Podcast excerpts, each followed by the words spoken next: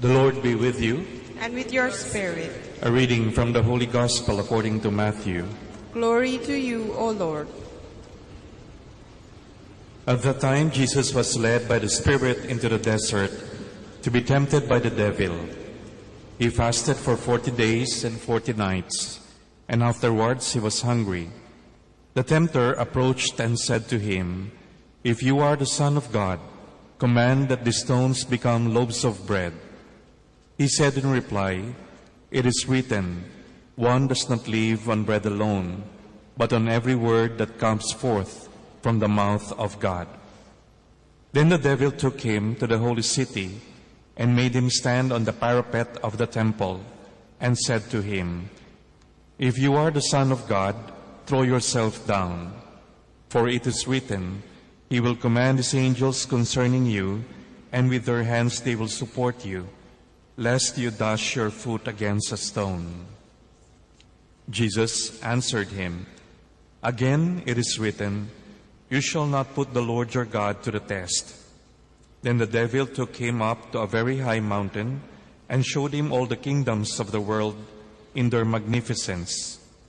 And he said to him, All this I shall give to you, if you will, if you will prostrate yourself and worship me. At this Jesus said to him, Get away, Satan. It is written, The Lord your God shall you worship, and him alone shall you serve. Then the devil left him, and behold, angels came and ministered to him. The Gospel of the Lord. Praise to you, Lord Jesus Christ. Please be seated.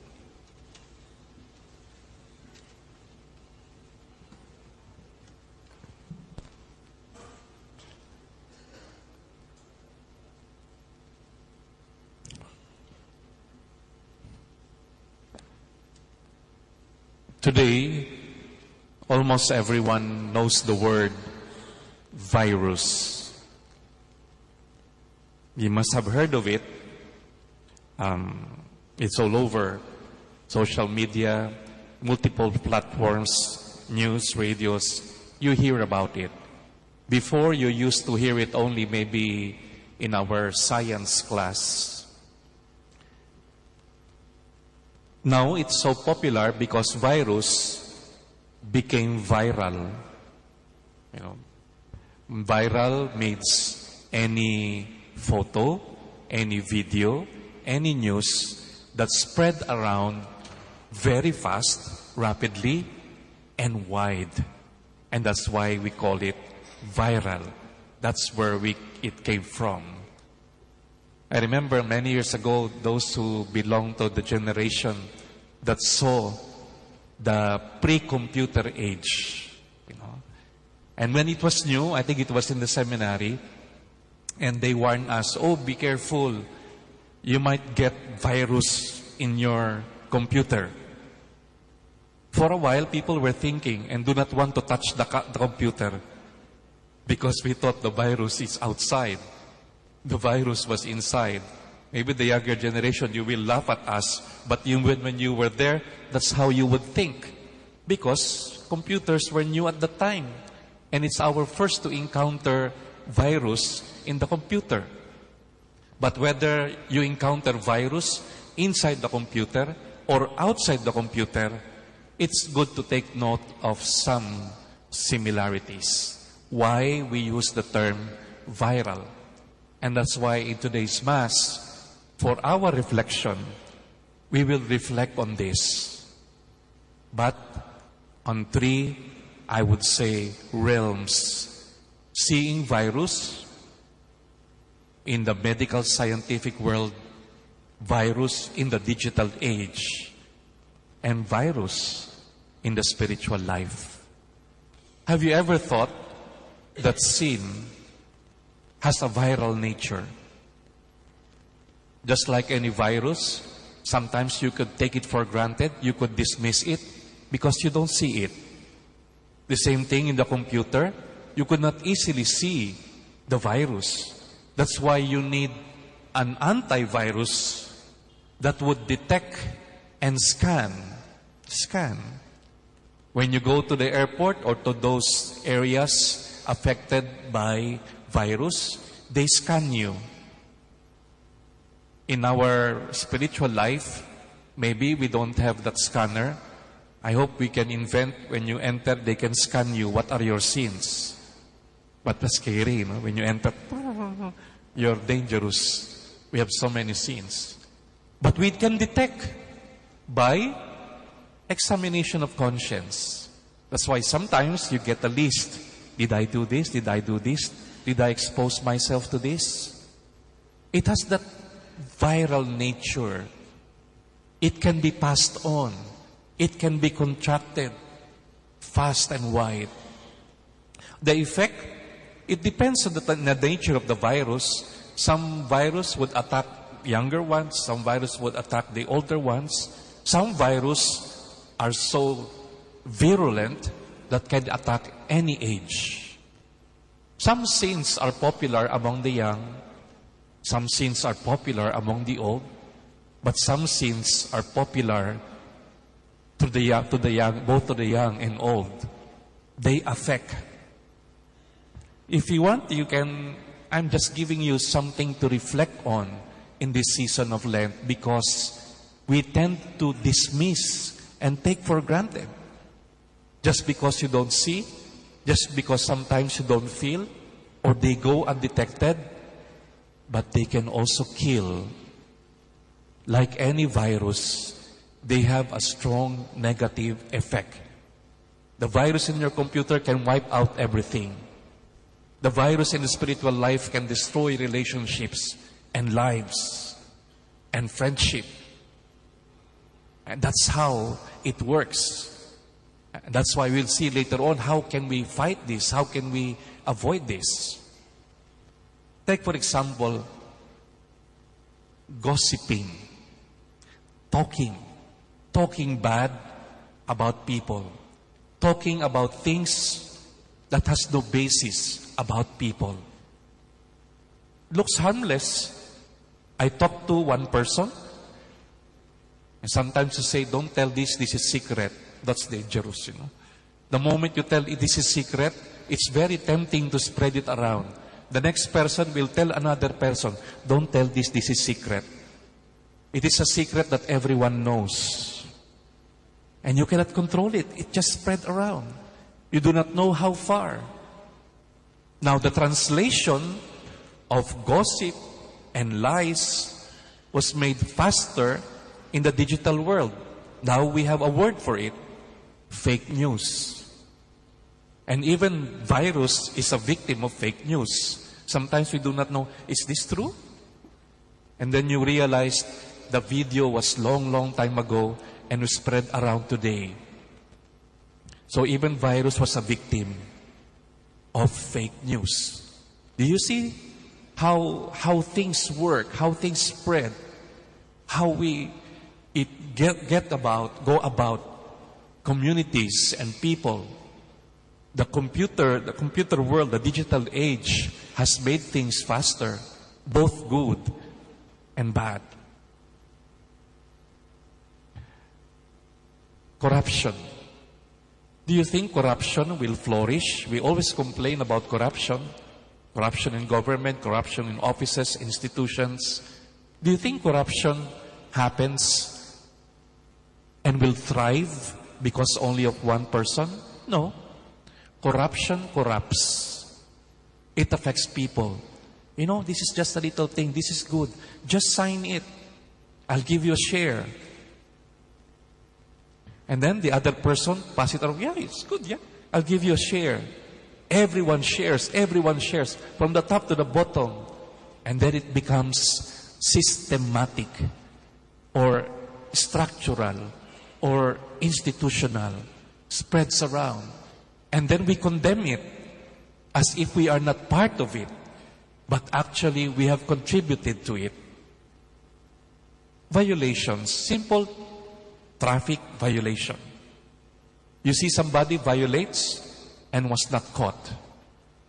And then it's very tempting, right? Okay, I'll follow. And then when you are caught, you complain. Why did you not catch him? Well, The fact is, we have violated. And we complain. We complain not about the violation. We complain about why was he not caught? Why was he not punished? These things thrive. A very simple thing is, they said, if we are in one place, for example, in this compound, and there is no garbage around, and then you see somebody looking for a garbage, there's no garbage around, and he throws a piece of paper in one corner. Then another person is looking for a garbage place, and he saw that small paper in that one corner. Where do you think will he throw his garbage? Oh, maybe this is the garbage area. Now you have two there. So if you have two, the more it becomes, uh, the more uh, uh, it piles up, people start to think that it's okay to throw the garbage there. Pay attention. So, there are many things. I tell you, you can go to about to every scene. So maybe we can think about some tips. You know, uh, what do the medical science or the experts tell us, and how we can apply it also in the different aspects of our life. One practical tip is that early detection. The earlier you come to know it, the possibility of survival, surviving its effects, is there. The same with sin. Sometimes we take for granted sin when it's still small. It's just a white lie. You know, it's just a little lie. But big things, we don't learn. Big things start from small things. Big lies from small lies. And it spreads around. And sometimes the kid, you know, this is a classic example. When somebody's looking for the parents, you tell the kid, or you tell them, I'm not around. Ah, but your kid knows you're there, right? And then you tell your kid as if you're not there. Maybe they could not process, but somehow they would think it's okay. There are little things that are dangerous. So, the earlier you detect, the better. Honesty about it. People are encouraged to declare where they come from. You know, because when people don't declare, the chances are you might affect other people. I don't want to declare because, you know, if I declare, I'll be, um, what they call this, for 14 days. You'll be isolated, and that's very inconvenient. So you're thinking of your, of yourself, of the discomfort and inconvenience that will go through, but you don't pay attention of how you will affect other people. So it's good to know how, how, how people go about it and manage it. I learn I, almost every day we talk on the table, what's the latest, what's going on.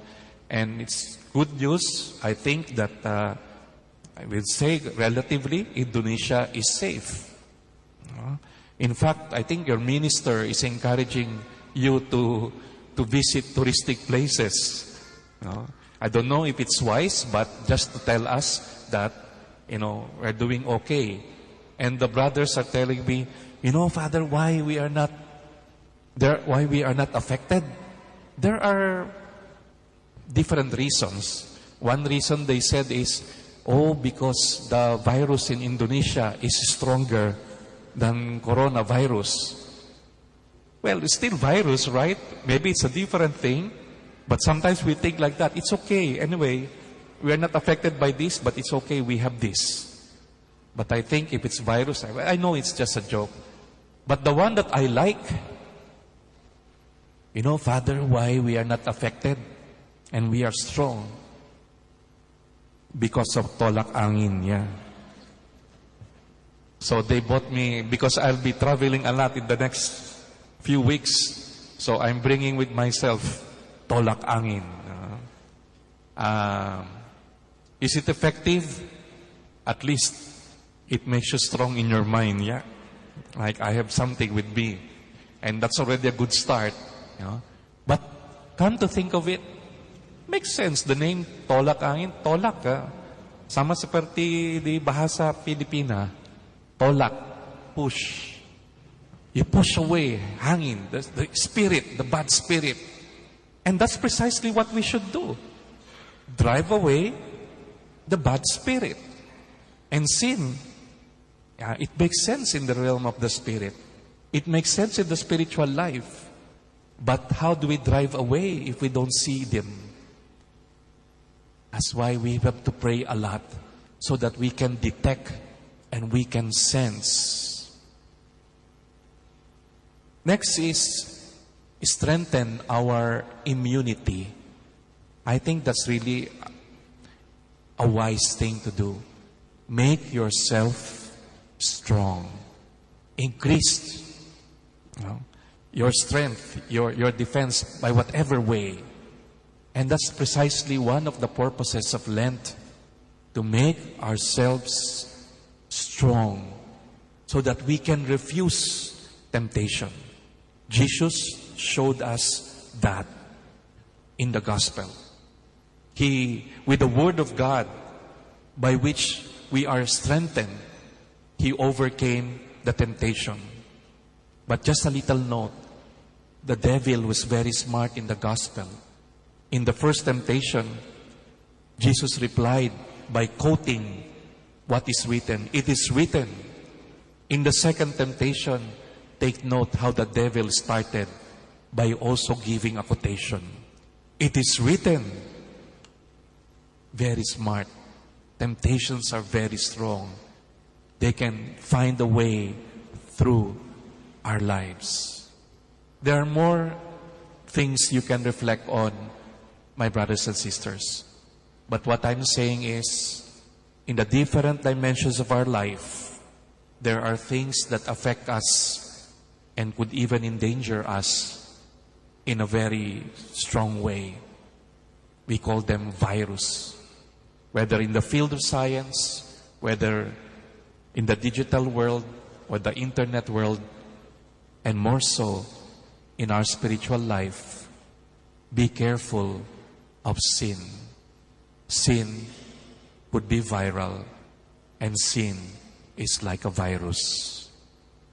It can kill, it can endanger, it can make things turn so bad. They can easily be spread out, they can easily contaminate people. I remember one thing, sorry, because there are so many things going in my mind. He said, How about God's grace? Yes, by all means, we need God's grace. But I would like to tell you, don't abuse God's grace.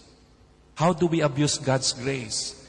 We abuse God's grace when you were forgiven, when you are somehow been given the grace of forgiveness in the sacrament of reconciliation, then afterwards, you expose yourself to the same sin, to the same temptation. That's abuse of grace. You ask God to help you, and at the moment you left the place, you expose yourself. That's why experts would tell us avoid avoid places where you can get the virus. That's not di- that's no difference from spiritual life when they say avoid occasions of sin. You just com- confessed sins against lust, but you have not cleaned your computer. Are we consistent? No. I clean myself there and expose myself here. You clean yourself, clean your computer. It will help you more and make you better. So, as we continue to celebrate this Eucharist, as we confront this coronavirus, we also confront the viruses that afflict our spiritual life. We find strength in our Lord Jesus. We learn from Him and we grow in God's Word and may His Word guide us and strengthen us. We all stand here.